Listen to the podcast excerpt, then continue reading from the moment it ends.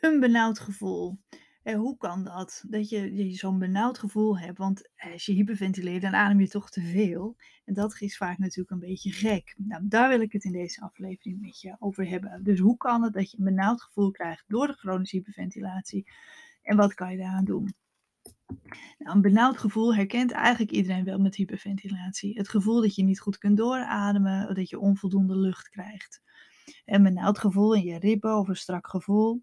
Nou, heel vervelend is dat, want dat maakt je vaak angstig en onzeker. En die angst zorgt natuurlijk weer voor meer klachten, hè, meer stress. Onze hersenen herkennen namelijk het verschil niet tussen te veel en te weinig zuurstof. Dus dat is belangrijk om te weten. Onze hersenen herkennen dat verschil niet. En dit komt nog uit de oertijd. Toen kon je alleen doodgaan aan tekort zuurstof, zoals bij verstikking of verdrinking. En toen was er natuurlijk wel stress, maar alleen acute stress, zoals bij het jagen. En tegenwoordig ervaren wij de hele dag door stress. die drukke winkels, slechte relatie, vervelende collega's, file en drukte op de weg. Er zijn natuurlijk eh, heel veel dingen die ons stress geven. Dit zorgt ervoor dat we steeds in die stresstoestand komen en dat je ademhaling hierdoor verstoord raakt.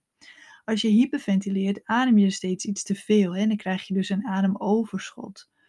En je ademt dus steeds iets te veel ten opzichte van wat je verbruikt. En dat geeft dus een onbalans in ons lichaam. Nou, omdat ons lichaam en hersenen dit overschot niet herkennen, denken we dus dat we een tekort hebben en dit geeft dat benauwde gevoel. En hierdoor ga je juist nog hoger en meer ademen, wat dit weer verergert en in stand houdt. door deze benauwde en hoge ademhaling gaan ook heel vaak je borstkaspieren verkrampen, waardoor je een benauwd strak gevoel krijgt. En dat maakt je vaak ook weer onzeker en angstig en dus wat alles dus weer verergert. En zo kom je in die vicieuze cirkel. je ademhalingsspieren in je borstkas die raken overbelast en die gaan pijn doen. En dit kan een drukkend, maar ook een stekend gevoel en pijn zijn bij je ribben. Een benauwd gevoel kan natuurlijk ook komen, bijvoorbeeld, bijvoorbeeld een inademingsallergie. Um, maar ook bijvoorbeeld bij, uh, dus als je hooikoorts, als je een inademing voor parfum, voor luchtjes, dan kan je ook een benauwd gevoel krijgen. Dus, dus, als je dat vaak hebt, dat benauwde gevoel, laat dat zeker ook eventjes uit, uitsluiten. Daarnaast kan je ook benauwd voelen als je verkouden bent of als het heel warm benauwd weer is. Nou, dat benauwde gevoel, hè, wat kan je er nou aan doen? En dat is belangrijk dat je realiseert dat dat benauwde gevoel dus komt door de hyperventilatie. En als je nog meer dan lucht gaat happen of veel gaat zuchten, dan zal het uiteindelijk alleen maar erger worden. En probeer dus rustig te blijven en te werken in je ademhaling. Dus ga ademhalingsoefeningen doen. Maar vraag jezelf ook af waardoor je dit gevoel hebt. Ben jij misschien over je grenzen gegaan? Heb je te druk gehad of heb je te weinig rust genomen? En dat benauwde gevoel is een signaal van je lichaam dat er iets niet goed gaat dat je te veel spanning hebt, te veel stress hebt. Wat ook heel erg belangrijk is, zorg voor meer ruimte in je borstkas en in je middenrif. Nou, hier zijn heel veel goede oefeningen voor die je kunt doen. Hè, om dat middenrif te ontspannen, waardoor er meer ruimte komt bij dat middenrif. Want dat middenrif is heel belangrijk als je een benauwde gevoel hebt.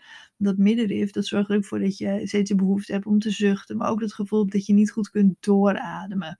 als je steeds dat dat je diep wil inademen, maar dat die ademhaling stokt, dat komt door dat middenrif, omdat die zo gespannen is. Dus dat middenrif, daar moet je echt mee aan de slag gaan als je dit herkent.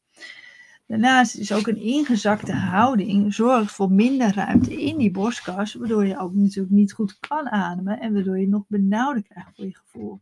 En dus probeer eens goed op te letten dat je een goede rechte houding hebt en een goede rechte rug als je het benauwd hebt. Een ingezakte houding, ja, dat zorgt ervoor dat je minder ruimte is om goed te ademen, waardoor je natuurlijk ook dat benauwde gevoel zich zal versterken dus dat is belangrijk. Dus als je veel last hebt van dat benauwde, gevoel, ga dan eens kijken wanneer heb je er last van, welke situaties heb je dat, of wanneer, ja, wanneer na welke situatie heb je dat. Hou bijvoorbeeld weer een tijdje dat dagboek bij.